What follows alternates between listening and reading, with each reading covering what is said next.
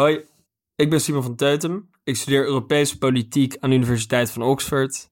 En ik heb een stuk geschreven over het gokbeleid in Nederland. Hier komt hij. Het brak mijn hele hoofd open, zegt Sam. Ik had slapeloze nachten, functioneerde niet op mijn werk en kwam elke maand geld tekort om eten te kopen. Maar juist op zulke momenten ga je door om het terug te verdienen, om je verlies te compenseren. Het omgekeerde gebeurde. Gokken slokte een steeds groter deel van mijn budget op. Vroeger voetbalden we samen, maar Sam en ik waren elkaar al een tijd uit het oog verloren.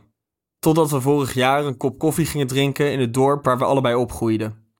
Daar vertelde hij me over de gokverslaving die hem zes jaar lang in haar greep had gehad. Eindeloos zette hij in op voetbalwedstrijden. Soms tien, soms vijftig, soms wel honderden euro's. Hoeveel hij had verloren? Ergens tussen de vijf en tienduizend euro. En daarmee onderschat ik het niet. Drank, drugs, roken, gokken. Een beetje liberaal gelooft in keuzevrijheid. Dat behelst ook, of juist, de vrijheid om de verkeerde keuze te maken. Veel regels en wetten bestaan dan ook zodat je anderen geen pijn doet. Maar jezelf beschadigen, dat staat je vrij. En als je dit toch al van plan was, reguleert de Nederlandse staat het liever dan dat je bent overgeleverd aan illegaal gestookte wodka, voorgedraaide joints van het dark web of het roulettewiel van schimmige goksites. Draagt de staat op die manier bij aan de ellende van mensen zoals Sam? Ongetwijfeld. Maar dat is de prijs die wij, of beter gezegd, zij, betalen voor de speelruimte van het liberalisme. Klinkt hardvochtig, maar daar kan ik nog wel in komen. De Nederlandse overheid ging vorig jaar echter tien stappen verder dan dat. Op 1 oktober 2021 werd online gokken niet alleen legaal, maar ging de staat een actieve rol spelen in het aanzwengelen van de markt. Gokbedrijven kregen op televisie, radio en internet alle ruimte om nieuwe spelers te verleiden met advertenties. De marketingmachine van de gokindustrie sloeg direct op hol. In oktober en november waren niet minder dan 272.812 advertenties voor online gokken te zien op tv en internet. Het totaal aantal gokadvertenties groeide met 115% ten opzichte van het jaar daarvoor. Maar daar stopt het niet. Staatsbedrijven, Holland Casino en Toto, sloegen in die eerste twee maanden 11 miljoen euro stuk om Nederland naar hun virtuele blackjack-tafels, roulettewielen en voetbalweddenschappen te lokken. Een van de ideeën achter de wetswijziging was dat je de zwarte gokmarkt het best kon slopen door de legale gokindustrie vrij baan te geven, met vergunningen en de ruimte om vrijuit reclame te maken. Dat klinkt logisch, maar het is rechtstreeks in tegenspraak met een van de andere doelen die minister Sander Dekker formuleerde voor het kansspelbeleid. Namelijk het terugdringen van gokverslaving. Want gokreclames kunnen de risicogroep terug of dieper in hun verslaving duwen. Bovendien worden die reclames natuurlijk niet alleen gezien door mensen die al gokten. Ze hebben ook een aanzuigende werking. Wat als gokpropaganda de kwetsbare groep het hardst treft of de markt flink vergroot? Wat heb je liever? 72.000 illegale probleemspelers of 150.000 legale gokverslaafden? De nieuwe advertenties misten hun doel niet. In oktober alleen al nam het totaal aantal uren van Nederlanders op gokwebsites met ruim 50% toe. Grote gokbedrijven zagen hun omzet omhoog schieten. Tegelijkertijd waarschuwen klinieken dat steeds meer gokverslaafden zich melden sinds de nieuwe wet. Sommigen zien een toename van 50%.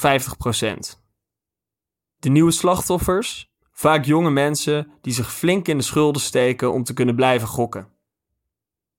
Niemand had voorzien dat het plan zijn doel voorbij zou schieten. Nou ja, niemand.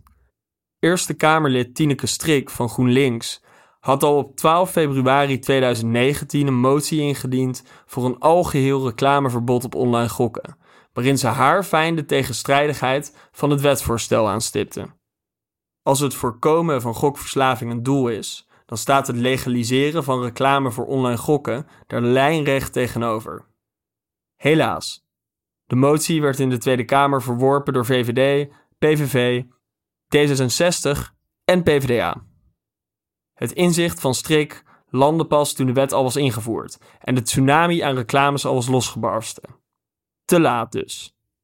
In december stemde een Kamermeerderheid alsnog voor een verbod op ongerichte reclames.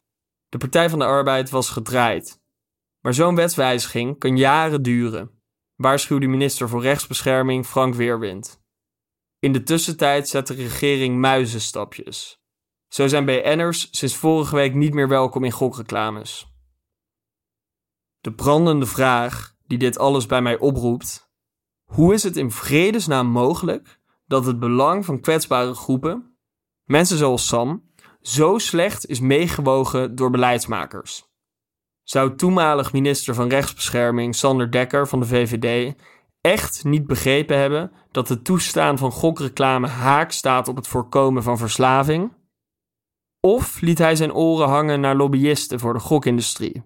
Lobbyisten zoals Dekkers oud-collega Helma Lodders, ook van de VVD, die na elf jaar in de Tweede Kamer voorzitter werd van een branchevereniging voor gokbedrijven. Kijk je er cynisch naar, dan is het gokdossier het meest recente symptoom van fobliberalisme. Zogenaamd nobele doelen nastreven, maar eigenlijk de belangen van het grootbedrijf of de meest vermogenden dienen. Gokreclames, die helpen de zwarte markt verslaan.